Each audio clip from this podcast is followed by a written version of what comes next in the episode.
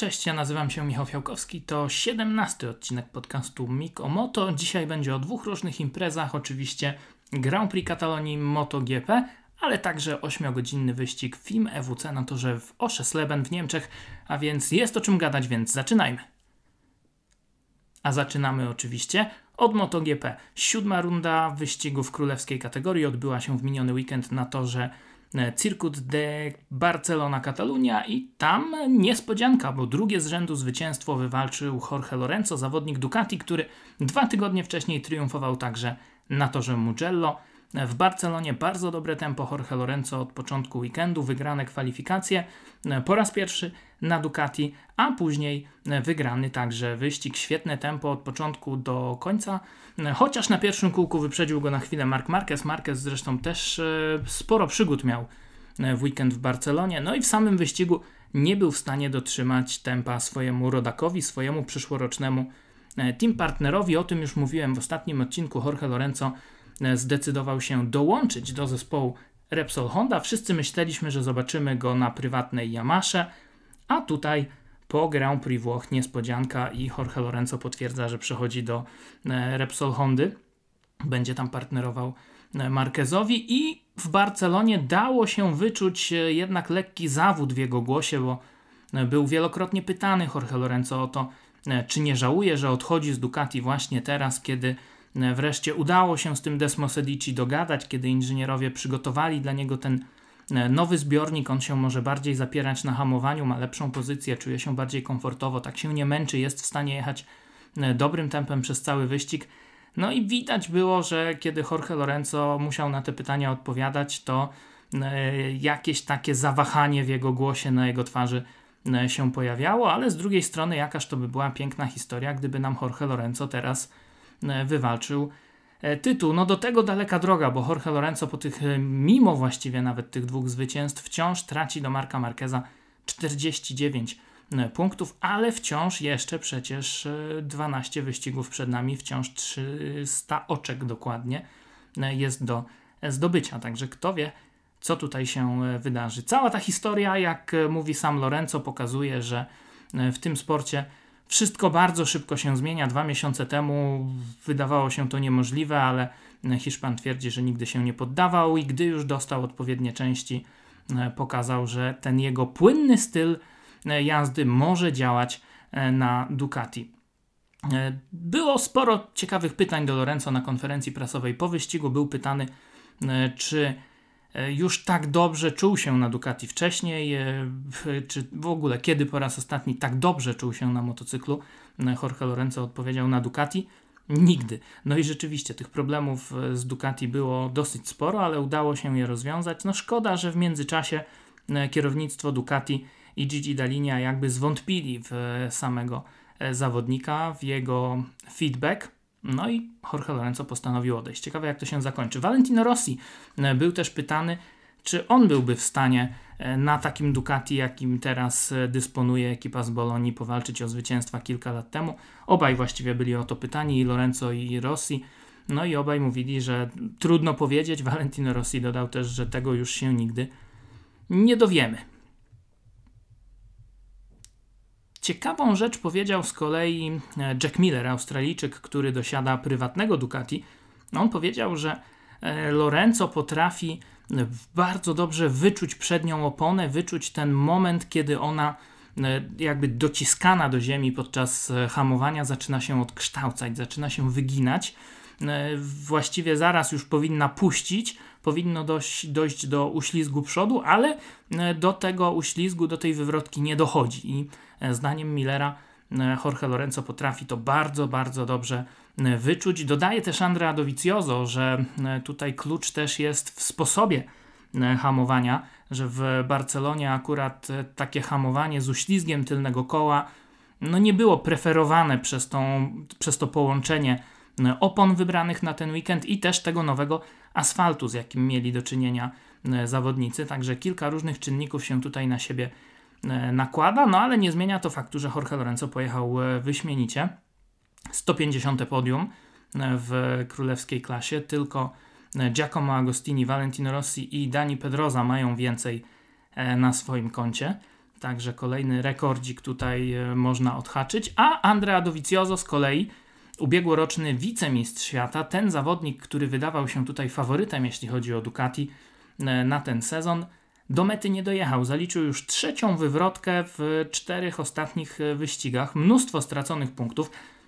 Przyznał po wszystkim Włoch, że e, trochę za bardzo cisnął, że e, tak jak już mówiłem, ten asfalt opony nie sprzyjały jego stylowi hamowania. E, wyszedł z czwartego zakrętu trochę za szybko, do piątki za bardzo opóźnił hamowanie. No i zakończyło się to wywrotką. Marquez mówi, że to nie w stylu Dovizioso, żeby tak często się przewracać. Dovizioso z kolei pytany, czy czuje presję z powodu tak dobrej formy Jorge Lorenzo. Odpowiada krótko, no to normalne. E, że presję czuje i ja jestem teraz bardzo ciekaw, jak ta dynamika w zespole e, będzie wyglądać. Czy jednak e, Dovizioso, kiedy rzeczywiście teraz czuje ten oddech Jorge Lorenzo na plecach, czy tych błędów nie będzie po prostu popełniał więcej. W zeszłym roku sytuacja była zupełnie inna. Lorenzo dosyć mocno zawodził, Dovizioso mocno imponował i nie było takiej bezpośredniej walki w zespole. Teraz jest zupełnie inaczej, a też e, zupełnie inne charaktery mają ci zawodnicy, e, więc myślę, że Lorenzo może być tutaj dla Dowiego e, bezlitosny i może ten sezon zakończyć przed nim w klasyfikacji generalnej, a wtedy okaże się, że te 12 milionów euro rocznie wydawane na Lorenzo to wcale nie były przez Ducati pieniądze zmarnowane. No ale dosyć już o Ducati, zobaczymy czy tę formę utrzymają w kolejnych wyścigach. Na pewno będzie trudno Lorenzo Wasen, bo to jest tor, na którym on miał przecież te wszystkie e, przygody w 2012 e, roku, złamany obojczyk. E, w treningach wrócił poskładany na wyścig, ukończył ten wyścig, ale później miał duże, duże problemy, żeby się przełamać w takich niepewnych warunkach na wilgotnym torze. Teraz te prognozy też różne i sam tor także dla Jorge Lorenzo trudny. On tam wygrywał tylko raz w MotoGP. E, trudne dla Ducati będzie także e, Grand Prix Niemiec, tor Sachsenring, ale później mamy takie tory, na których może już być zupełnie e, inaczej, no bo mamy przecież czeskie Brno, tam jest szybkie Ducati, bardzo szybki Lorenzo, później Austria, tor wręcz idealny dla Ducati, później mamy Misano, gdzie Ducati bardzo dużo testuje, później mamy Silverstone, gdzie też Ducati jest szybkie, no i ja wcale nie wykluczam, że Jorge Lorenzo o ten tytuł mistrzowski w tym sezonie powalczy. Pięknie by było, gdyby mu się ten, e, ta sztuka i wy, wywalczenie tego tytułu e, udało, ale jak to będzie, to przekonamy się dopiero za jakiś czas. Jorge Lorenzo wygrał Grand Prix Katalonii, drugi w tym wyścigu był e, Marc Marquez, który miał sporo przygód, ratował się znowu przed uślizgami przedniego koła, kolanem, łokciem na łokciu, zresztą ma taki specjalny nowy plastik od Alpine Stara wstawiony E, właśnie na takie e, przygody. No i Mark Marquez chyba po raz pierwszy, bo ja nie pamiętam e, takiej przygody, żeby Mark Marquez musiał przebijać się do drugiej części kwalifikacji przez Q1, ale tak też było. No i w samym wyścigu, mimo że prowadził przez chwilę na pierwszym okrążeniu, przez, przez połowę tego okrążenia, no to później jednak musiał zadowolić się drugą pozycją. Próbował utrzymać się za e, Jorge Lorenzo, ale później przyznał, że po prostu odpuścił. Brakowało przyczepności, było bardzo gorąco. E, widział, że doszło do wielu innych wywrotek, więc po prostu nie chciał ryzykować. Dowiózł do mety to drugie miejsce i tak powiększył przewagę w klasyfikacji generalnej, bo Lorenzo jest daleko nadal, e, a główni rywale ukończyli ten wyścig. Zanim także nie ma tutaj powodów do narzekań. Mark Marquez pojechał z głową. Pamiętacie E, bodaj to było w zeszłym roku czy dwa lata temu, właśnie takiej zimnej głowy e, mu brakowało i zaliczał tutaj w Barcelonie e, wywrotki, także tym razem no jednak książkowa jazda w wykonaniu obrońcy tytułu. Tak się zdobywa właśnie mistrzostwa. Jak nie możesz wygrać, dowozisz drugie miejsce. Podium uzupełnił Valentino Rossi, no i to jest kolejny ważny wynik e, dla Yamahy, bo w zeszłym roku mieli duże problemy na torze w Barcelonie. Przecież dwa lata temu Valentino Rossi wygrał, w zeszłym roku Yamahy w ogóle zagubione. E, kompletnie. W tym roku motocykl znów bardziej konkurencyjny, Yamahy w czołówce, no i Valentino Rossi na podium, chociaż znów mam takie wrażenie, że Valentino Rossi pojechał lepiej niż pozwala na to motocykl, ale też nie był do końca Valentino Rossi E, zadowolony, przede wszystkim dosyć mocno narzekał na przednią oponę. E, tutaj w Barcelonie Kilka tygodni wcześniej odbyły się testy. Michelin udostępnił zawodnikom kilka różnych opon, mogli wybrać, które chcą mieszanki. No i tam były zdania podzielone, jeśli chodzi o, o przód, o oponę pośrednią. Były jakby dwie różne te pośrednie opony. 13 zawodników wybrało tę, którą ostatecznie Michelin na wyścig przygotował. Valentino Rossi był w szóstce tych, którzy głosowali za tą drugą mieszanką. No i nie był z tego przodu e, zadowolony. Założył ten pośredni przód, ale twierdzi, że e, brakowało mu e, przyczepności, a mimo wszystko i tak bardzo dobrze sobie Valentino Rossi poradził. Kolejna runda Wasen, tam właśnie Valentino Rossi triumfował w zeszłym roku, no i podkreśla, że minął rok od tego zwycięstwa i dla niego, i dla Yamahy, więc czas najwyższy wreszcie E, jakiś wyścig wygrać. Tam faktycznie Yamaha może być mocna, tam nie powinno być tak gorąco, tor bardzo e, kręty, płynny, no i tutaj Valentino Rossi może być e, w dobrej sytuacji. Jeśli chodzi o klasyfikację generalną, no to rzeczywiście Valentino Rossi jest nadal na drugim miejscu, ale do Marka Marqueza traci 27 punktów. Mavericka Vinalesa wyprzedza o punktów 11, czwarty jest Joan Zarco, a więc trzy Yamahy w pierwszej czwórce. No wydaje się to E, całkiem niezłą sytuacją. Później mamy Petrucciego, później mamy Crutchlowa i na siódmej pozycji e, Lorenzo, zrównany punktami, co ciekawe, e, z Andreą Dovizioso i zrównany punktami również z Andreą Janone.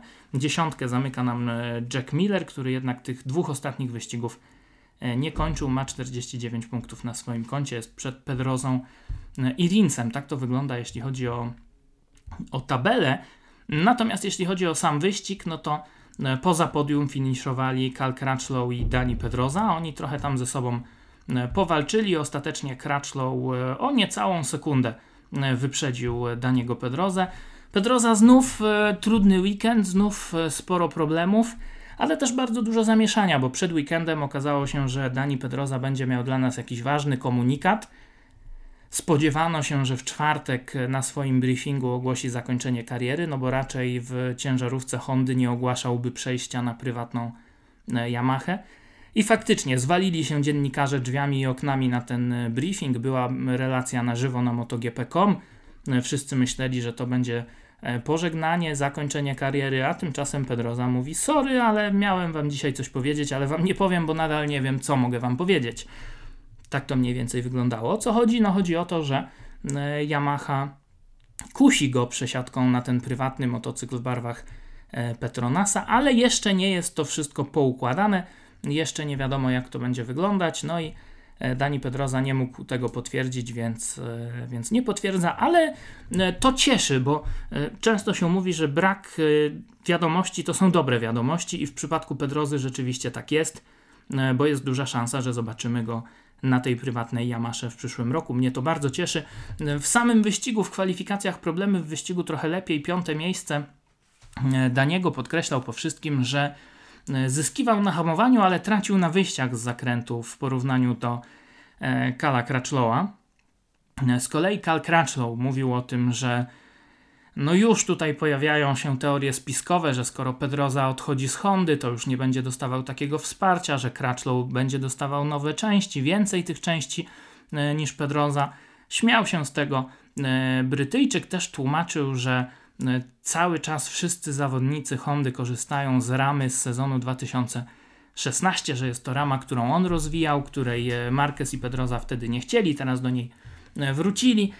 No i przydałaby się nowa, przydałoby się trochę ją e, poprawić, bo nadal to skręcanie, nadal ta siłowa jazda są słabym punktem Hondy, ale Honda w ostatnich latach skupiała się na elektronice, skupiała się na silniku, a nie właśnie na e, podwoziu. Także to by było na tyle, jeśli chodzi o e, ciekawostki od Kala Crutchlowa. Maverick Vinales ukończył Grand Prix Katalonii na szóstej pozycji, 10 sekund za zwycięzcą. No i Maverick Vinales cały czas e, poirytowany, cały czas mówi, że mają problemy na początku wyścigu. Próbował jakąś inną strategię, tym razem na dogrzanie tych opon na okrążeniu rozgrzewkowym. To niby trochę pomogło, ale nadal za mało.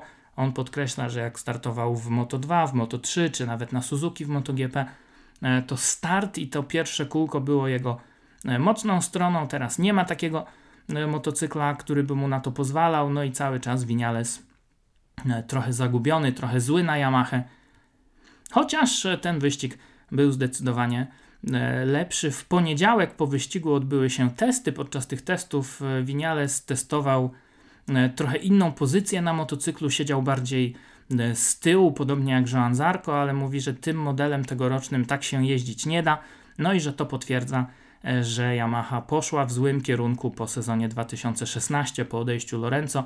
No i też e, dodał tutaj Vinales, że on również e, przez te dwa ostatnie lata czasami szedł w innym kierunku niż by chciał. Myślę, że to taki pstryczek trochę względem tego, że Yamaha ten motocykl rozwija pod bardziej jakby pod wskazówki Valentino Rossiego niż Mavericka Vinalesa. Chociaż w, w tej chwili można odnieść wrażenie, że, że w ogóle Yamaha tego motocykla nie rozwija, bo e, Valentino Rossi po tych testach powiedział, no tak, dostaliśmy jakieś tam duperele e, do sprawdzenia, jeśli chodzi o elektronikę, ale e, przełomu nie ma i nic nowego raczej do testów w Brnie, czyli do sierpnia, nie dostaniemy. Także wciąż Yamaha czeka na, na poprawę sytuacji. No i mimo tego, że wydaje się, że są w opałach, no to zajmują trzy z pierwszych czterech miejsc w klasyfikacji e, generalnej, także nie jest idealnie, ale dramatu chyba też e, nie ma. Joan Zarco ukończył wyścig za Maverickiem Vinalesem, 3 sekundy niecałe za Vinalesem, 13 za, zwycięz za zwycięzcą. Od czasu tej wywrotki w Le Mans trochę nam się pogubił Francuz, bo i na Mugello i tutaj w Barcelonie w czołówce go e, zabrakło, ale on nie ma jakichś specjalnych tutaj wymówek. Mówi, że E, trochę brakowało ustawień, więc ta jazda go trochę za bardzo zmęczyła, stracił tempo na finiszu e, i już nie był w stanie tej walki nawiązać e, z Winialesem, z Pedrozą, z Crutchlowem. A szkoda, bo, bo brakowało mu niewiele, bo do Crutchlowa Joanowi Zarko zabrakły niecałe 4 sekundy, także był, był całkiem blisko i ukończył wyścig przed Petruccim, przed Bautistą, przed Janone, Polem Espargaro, Scottem Reddingiem, Karelem Abrahamem i Franco E, Morbidellim. Morbidellim, który zaliczył wywrotkę, ale podniósł się, zjechał do boksu, wrócił na tor, ukończył wyścig. Trzy okrążenia za zwycięzcą, ale zgarnął e, dwa punkciki, także nie jest e, najgorzej. No ale by wywrotek nie brakowało, bo przecież Hafiz Shiarin zaliczył wywrotkę, Tito Rabat miał awarię dosyć widowiskową, zapalił się silnik w jego motocyklu, Jack Miller się przewrócił, Taka Nakagami ściął Bradley'a Smitha, E, Rins wycofał się z powodu problemów technicznych. E, Dovizioso, Simeon e, i Alejsz Spargaro zaliczyli wywrotki. Luti również, no i wycofał się także Sylvan Gintoli, wycofał się Mika Kallio. Także był to wyścig z przygodami. Później były też dosyć pracowite testy. Danilo Petrucci, zarzucony podczas tych testów nowymi częściami. No i o ile Carl Crutchlow mówi, że o te teorie, że ja teraz będę w Hondzie tutaj więcej dostawał niż Pedroza, bo on odchodzi, to jest y, ta trzecia prawda, jak to mówią popularnie, o tyle w przypadku Ducati to się sprawdza, no bo Lorenzo pewnie już za wiele nowinek dostawać nie będzie, szczególnie tych przeznaczonych y, na przyszły rok. Dostał to, co chciał, ma y, ten swój zbiornik, może się zapierać, może inaczej siedzieć na motocyklu, są wyniki ale na nowy rok e, jakichś nowych rozwiązań pewnie dostawać już nie będzie. Będzie je za to testował Petrucci, taka jego rola. On na tym Desmosedici GP18 e, rozwija e, ten motocykl dla fabrycznego teamu, no i dużo, dużo części dostał, wahacz między innymi, ale niestety zaliczył wywrotkę na testach i dużo tych części popsuł, także no trochę pechowo. Trochę pechowo też w wyścigu Andrea Janone, bardzo dobry początek, prowadził przez chwilę na pierwszym kółku, ale później tempo e, spadło. Janone narzeka, że Suzuki za mocno zużywa e, te opony i ktoś mógłby powiedzieć, ale maruda. No tak, ale Jorge Lorenzo też mówił, że nie ma e, tych części, które by chciał i jakie dostał, to widzimy. Winiales mówi, że brakuje tego czy tamtego Yamasze. Podejrzewam, że jak to dostanie, będzie konkurencyjny. No i Janone myślę, że e, tutaj też coś jest na rzeczy. Jeżeli Suzuki sobie poradzi z tymi problemami, to będzie tak konkurencyjny, jak był w ostatnich wyścigach, bo przecież na podium e, dwa razy stanął.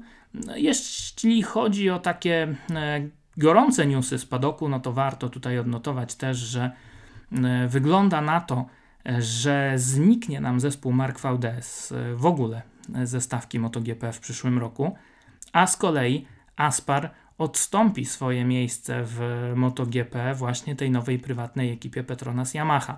E, czyli tak naprawdę znikną dwa teamy Jeden zostanie zastąpiony nowym zespołem prywatnym Petronas Yamaha, a za dwa lata dołączy do nas team e, Valentino Rossiego. Tak to wygląda e, na tę chwilę. Nie można oczywiście też nie wspomnieć o tym, co działo się tydzień przed Grand Prix Katalonii. Doszło do tragicznego wypadku podczas juniorskich Mistrzostw Świata Moto 3. 14-letni zaledwie zawodnik Andreas Perez przewrócił się na wyjściu z piątego zakrętu, później uderzył w niego inny zawodnik, no i niestety e, ten młody Hiszpan zmarł następnego dnia e, w szpitalu. On jeździł w zespole Avinti, wcześniej jeździł w zespole Alexa Rinsa, no i oczywiście mieliśmy minutę ciszy przed e, wyścigami w niedzielę. Także Mark Marquez po zwycięstwie, po zwycięstwie, po zakończeniu wyścigu na drugiej pozycji wziął od wirażowych właśnie taką flagę z numerem 77, z numerem e, Andreasa e, Pereza, no a tymczasem e, kilka dni wcześniej minęła nam druga rocznica tragicznej śmierci Luisa Saloma w 12 zakręcie. Ten zakręt był zmieniony później po tamtych wydarzeniach. Mieliśmy tę szykanę w ostatniej sekcji, która się nikomu nie podobała. W tym roku wróciła stara konfiguracja, wrócił ten szybki 12 zakręt, wydłużono pobocza na wyjściu z dwunastki. Dziesiątka została, można powiedzieć, po nowemu, czyli tak jak jeździ Formuła 1 na końcu tej tylnej prostej, ostre hamowanie, ciasny lewy. E, mieliśmy wcześniej taki długi, fajny e, pod górkę ciągnący się zakręt, z którego były kapitalne zdjęcia. E, teraz niestety zostaje taki ciaśniejszy, może łatwiej wyprzedzać, ale trochę mniej charakteru ma, ma ta sekcja przez to, no ale jest też nowy asfalt, generalnie tutaj e, zawodnicy nie mieli jakichś wielkich uwag, natomiast było bardzo gorąco, no i tej przyczepności trochę brakowało. W kategorii Moto 2 triumfował Fabio Quartararo, warto to odnotować, triumfował po starcie e, z pole position. E, to jest francuski zawodnik, który zdominował juniorskie Mistrzostwa Świata, później trafił do tych właściwych Mistrzostw Świata w Moto 2 E, miał trochę problemów, no bo po prostu był wysoki. E, trafił w Moto 3, przepraszam, trafił do Moto 2, do Sito Ponsa. E, brakowało tych wyników. Trafił do speed-upa, trochę taka zsyłka, niektórzy by mogli powiedzieć, stracił wsparcie Repsola, później stracił wsparcie Ponsa, no ale teraz się odnalazł, wygrał wyścig. Co prawda to jest taki wyścig, który w Moto2 czasami wygrywają jakieś takie dziwne konstrukcje, bo przecież kilka lat temu, no ładnych kilka lat temu triumfował tam Yuki Takahashi na e, motocyklu Tech 3, e, który później żadnych większych sukcesów poza kilkoma podiami Bradley'a Smitha e, nie odnosił. No ale jak sobie poradzi Fabio Quartararo, to zobaczymy. W Moto 3 triumfował Enea Bastianini, Włoch, który lubi bardzo ten tor i pamiętam, że tam zawsze bardzo dobrze sobie radził. Tam wywalczył swoje pierwsze podium w 2014 roku ale to też był taki wyścig, w którym e, mieliśmy mnóstwo, mnóstwo wywrotek, różnych dziwnych e, sytuacji, e, więc ciekawe, czy Bastianini wreszcie będzie w stanie to tempo utrzymać i walczyć o zwycięstwa także w kolejnych wyścigach. No a kolejne Grand Prix już za niecałe dwa tygodnie w Assen w Holandii w ostatni weekend czerwca. I to by było na tyle, jeśli chodzi o dzisiejszy odcinek i tą sekcję dotyczącą MotoGP. Teraz chciałbym przejść do endurance'ów, do wyścigu, e, który odbył się na torze Oszesleben. To był wyścig 8-godzinny. E, przedostatnia runda EWC, e, czwarta i przedostatnia. Ostatnia odbędzie się w lipcu na torze Suzuka w Japonii. Mieliśmy w stawce w Oszesleben dwa polskie zespoły, LRP Poland i Wójcik Racing Team. Jak może niektórzy wiecie, poza tymi wszystkimi historiami E, dziennikarsko-komentatorskimi. Ja też e, prowadzę agencję PR-ową Media for Racing, współpracuję e, z oboma tymi zespołami i na Oszesleben pojechałem właśnie z Wójcik Racing Teamem oglądać to wszystko od trochę innej strony, pomagając w tych kwestiach PR-owych, pomagając w kwestiach organizacyjnych też troszeczkę i bardzo lubię takie wyjazdy, bo dają zupełnie inną perspektywę, jeśli chodzi o oglądanie tych wyścigów. Można trochę zajrzeć E, do kuchni, do takich miejsc, e, do których dziennikarze zazwyczaj e, wpuszczani nie są, więc był to naprawdę bardzo, bardzo fajny wyjazd, chociaż może nie idealny, jeśli chodzi o, o wynik, ponieważ Wójcik Racing Team ukończył ten wyścig na 27 miejscu, LRP Poland na 17 pozycji, co prawda z punktami pierwszymi w tym sezonie, ale też było trochę pecha. Natomiast sam wyścig bardzo ciekawy, sam tor kapitalny, jeśli chodzi o kibiców i, i podkreślam to dlatego, że już przecież w pierwszy weekend października, no może nie już, bo to jeszcze trochę czasu, ale w pierwszy weekend października na Oszesleben odbędzie się ostatnia runda Mistrzostw Polski. Ona będzie połączona z zawodami Alpe Adria. No i myślę, że warto tam pojechać, jak nie spadnie śnieg, bo to już jest taki rejon Niemiec i Europy, gdzie w październiku no może być różnie. Śnieg to może nie spadnie, ale może być bardzo zimno. Jeżeli pogoda będzie e, dopisywała i prognozy będą jakieś e, ciekawe, to warto się tam wybrać, bo e, to jest tor, który leży jakieś 200 km za Berlinem. Można tam dojechać równie szybko i sprawnie, co na przykład na Sachsenring na MotoGP. Tor ma taką bardzo fajną infrastrukturę, bo można wejść sobie do środka i zobaczyć praktycznie E, no, cały tor z, z jednego miejsca. Można chodzić po wewnętrznej i obserwować te wszystkie zakręty od środka, można wyjść na zewnętrzną, zobaczyć wszystko z zewnątrz. Dla kibiców naprawdę e, tor kapitalny. Ja byłem zachwycony tym wszystkim, e, co tam zobaczyłem. Dla zawodników już tak kolorowo nie jest, bo tor, mimo że krótki 3 km 600 metrów, to jednak bardzo techniczny. Nie ma za bardzo gdzie odpoczywać. No jest jedna prosta dosyć długa startu i mety, jest jedna z tyłu też, ale poza tym to praktycznie od zakrętu w zakręt i e, trudno też tam wyprzedzać, nie ma gdzie odpoczywać, okrążenie jest krótkie, więc tych kółek e, w wyścigach jedzie się sporo, także e, tor wymagający. No i cóż, Polacy pokazali się z bardzo dobrej strony, bo Paweł Szkopek w kwalifikacjach w swojej grupie w drugiej kwalifikacji wykręcił trzeci czas, no i to naprawdę już nie lada osiągnięcie. A jeśli chodzi o sam wyścig, no to e, wkrótce po starcie e, doszło do wywrotki, zapaliła się nawet e, trawa, było tak gorąco, że ten motocykl jak wypadł na pobocze, zapaliła się od tego trawa, był samochód bezpieczeństwa, jeden, później drugi i ta pierwsza zmiana trwała u wszystkich teamów bardzo, bardzo długo, ponad godzinę. E, później e, niestety w, najpierw problemy miało LRP Poland. Tarczka e, przy czujniku tylnego koła uszkodzona przez kamień, który był wystrzelony spod tylnego koła innego motocykla. To sprawiło, że podopieczni Bartka Lewandowskiego musieli zjechać do boksu, stracili jakieś 7 kółek, o ile dobrze pamiętam, ale później było już wszystko zgodnie z planem i udało się do mety dojechać na punktowanym miejscu. W Wójcik Racing Teamie było trochę problemów, e, bo najpierw przetarł się przewód od chłodnicy oleju, trzeba było e, właściwie całą tę chłodnicę wymienić. Z tego co pamiętam, trwało to 25 minut, chłopaki spadli na koniec stawki. Później Paweł Szkopek dublował jednego z zawodników, wyjechał na taką rynnę przy krawędzi toru, złapał Shimi, rozeszły się klocki, jak zahamował, no to nie było hamulca, musiał wyjechać poza tor, położyć się, żeby nie wpaść w bandę. Nie chcieli go wypuścić z powrotem, musiał jechać do szpitala na badania, no ale motocykl e, wrócił do boksu, wyjechał Paweł Górka, Paweł niestety też zaliczył wywrotkę, e, więc dużo się działo, było dużo przygód, ale był to świetny trening przed e, Suzuką, na którą podopieczni Grzegorza Wójcika jadą jako pierwszy polski zespół w historii, także to będzie nie lada wydarzenie i może być naprawdę E, bardzo ciekawie. Zresztą tego załatwiania w związku z Suzuką było całkiem sporo. Myślę, że nawet warto będzie stworzyć jakiś taki specjalny odcinek e, poświęcony temu, jak to wszystko e, wygląda od kuchni organizacyjnie. EWC to jest seria, którą w ogóle organizuje, no w praktyce promuje, organizuje Eurosport, ale to nie jest tak jak w MotoGP, E, czy w Superbajkach, czy w Formule 1, gdzie e, ten promotor, organizator zajmuje się wszystkim od A do Z.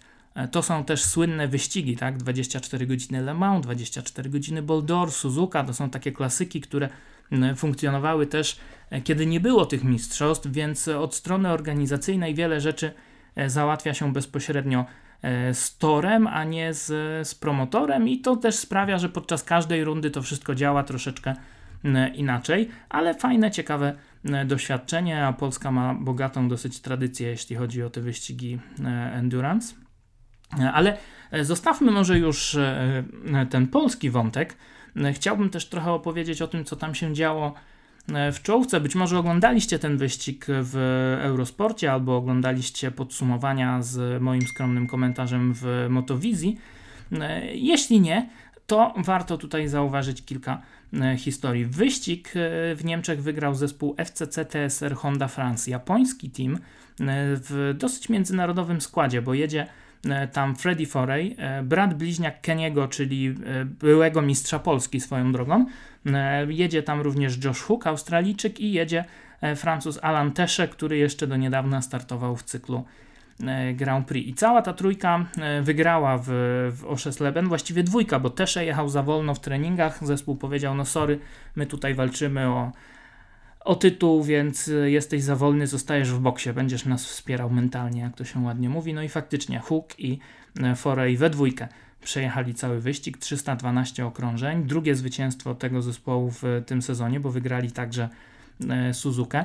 No i bardzo ciekawa strategia. Oni przejechali jeden pit stop mniej, podczas gdy e, konkurencja po 7 pit stopów, oni przejechali 6 pit stopów i e, na jednej zmianie po 45 kółek, aż bardzo dobra oszczędność paliwa, która wynika też z tego, że Honda włożyła mnóstwo pracy w, w ten motocykl. CBRK jakoś nie bryluje na przykład w World Superbike'ach, ale tutaj w Endurance'ach jest naprawdę świetnym pakietem, bo jest i szybka, E, i bardzo dobrze się obchodzi e, z paliwem. Zresztą ciekawy wyścig zbrojeń można oglądać e, w Endurance'ach, bo tak i Honda i Yamaha wysyła na te wyścigi całą armię japońskich inżynierów. Tego projektu, jeśli chodzi o Yamaha, dogląda nawet Masahiko Nakajima, który przecież jeszcze w zeszłym roku i wcześniej przez wiele lat był liderem projektu MotoGP, więc no, grube działa tutaj zostały wytoczone. Jest tych inżynierów tam cała masa. Te motocykle budowane w, w Japonii, zarówno motocykle Jartów, czyli tego austriackiego teamu, jak i FCC Honda, ramy, silniki, to wszystko w ogóle niedostępne dla jakichś tam innych prywatnych e, teamów. E, jest też wojna zbrojeń, jeśli chodzi o dostawców e, opon, bo Bridgestone całą tą swoją ekipę, która pracowała przy MotoGP, przerzucił E, właśnie do endurance'ów. Jest też Dunlop, jest Pirelli. Naprawdę wygląda to e, mega, mega e, ciekawie. No i nie tylko ta Honda FCC robiła takie zmiany, także ten drugi zespół angielski, wystawiany przez Honda Europe, czyli Honda Endurance Racing, także bardzo długie zmiany. Także we dwójkę tam jechali zawodnicy. Sebastian Gimber problem z nogą, więc Gregory LeBlanc i Erwan Nijon jechali we dwójkę. LeBlanc niestety jadąc e, z problemami z elektroniką, bez kontroli trakcji, bez tego wszystkiego, przewrócił się na 25 minut przed końcem e, wyścigu. Trzeba było motocykl odbudować, więc gdzieś tam spadli poza pierwszą dziesiątkę, no ale walczyli bardzo ładnie. I ten samochód bezpieczeństwa, który wyjechał na, na samym końcu, w ostatniej godzinie, no trochę mam wrażenie, że uratował to zwycięstwo dla Hondy, bo oni mimo, że przejechali o jeden pit stop mniej niż, niż rywale, dłuższe te pit stopy mieli, to mam wrażenie, że chcieli chyba jeszcze zjechać e, raz na tankowanie dosłownie w ostatnich e, minutach i gdyby ten samochód bezpieczeństwa nie zjechał, gdyby oni nie, nie zwolnili, no to wówczas e, może to właśnie by się tak skończyło, że byłby jeszcze jeden pit stop, byłby inny zwycięzca. Tym zwycięzcą mogliby zostać Francuzi z ekipy GMT. To jest ekipa Christopha Gujota, obrońcy tytułu. Tam Nicolo Canepa David Czeka i e, Mike Di Czołowy team Yamaha, no ale ten team e, motocykle dla nich przygotowuje e, Yamaha Austria i Mandikind, także to jest też ciekawe, że konkurencji tutaj przygotowują Francuzom motocykle. Oni dostali karę za to, że podczas pit stopu Mike Di nie zgasił świateł w motocyklu, musieli zjechać na karę stop and go. E, zjechali, to ich dużo kosztowało. Pod koniec wyścigu walczyli o drugie miejsce z SRC Kawasaki. No i Mike Di popełnił błąd, zaliczył wywrotkę, spadli z tego drugiego na trzecie miejsce. Kawasaki ukończyło wyścig na drugiej pozycji. Tam na Kawasaki Randy Depunie, a więc e, też świetny zawodnik sprzed lat e, MotoGP. No naprawdę tutaj takich dobrych zawodników w stawce EWC nie brakuje. Ogromny pech, e, mimo tego całego zaangażowania, o którym e, mówiłem, ogromny pech e, Jartów. bo rosła temperatura wody, aż w końcu chłodnica strzeliła, woda się wylała na przednie koło, Marvin Fritz zaliczył wywrotkę, motocykl się zapalił, wrócili do boksu, próbowali odbudować, no ale niestety to już się nie udało. Ogromne problemy także Suzuki Endurance Racing Team, a więc popularny team CERT, ekipa Dominika Melionda, który wrócił na tor po problemach e, zdrowotnych. No ale tak, e, przez cały sezon oni korzystają z tego nowego GSX-era i ten motocykl coś nie może dogadać się z przednimi hamulcami Nissina. Mnóstwo problemów z tymi hamulcami przez cały sezon. W Oszesleben, jak już tych problemów nie było, to E, wywrotkę zaliczył Vincent Philippe i spadli e, też gdzieś tam na koniec stawki, przebili się ostatecznie na dziesiąte e, miejsce. No i to by było na tyle chyba, jeśli chodzi o takie czołowe zespoły. Oczywiście takich smaczków mniejszych było mnóstwo. Jest zespół NRT48 wspierany przez BMW. Tam jedyna zawodniczka w stawce Lucy Glockner. Ona jechała na Słowacji w barwach e, LRP Poland. E, wcześniej prawie udało jej się stanąć na podium w Boldorze. Jest też słowacki zespół Mako Racing, w którym e, startowali też nasi polscy zawodnicy w przyszłości. Marek Szkopek, Paweł Górka, no i Mako na piątej pozycji zakończyli wyścig w Oszesleben. Wcześniej tam było trochę problemów. Szef zespołu Martin Kuźma wściekły na organizatorów, bo była kara za e, nieregulaminową wagę motocykla. Ta waga e, później się jednak niby zgadzała, później jednemu z zawodników odjęli czasy. No było trochę takich e, kontrowersji. W Niemczech też zakończył się sezon dla zespołów z kategorii Superstock. No, no i w tej kategorii Puchar Świata wywalczył team Tati, Bełżul i Kawasaki. Ekipa z numerem 4. Wyścig ukończyli na ósmej pozycji.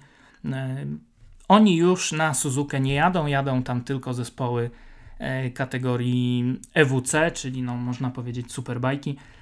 Ale w przyszłym roku będziemy mieli jedną rundę EWC więcej, będzie wyścig w Malezji, tam pojadą właśnie też stoki, no i e, może być ciekawie.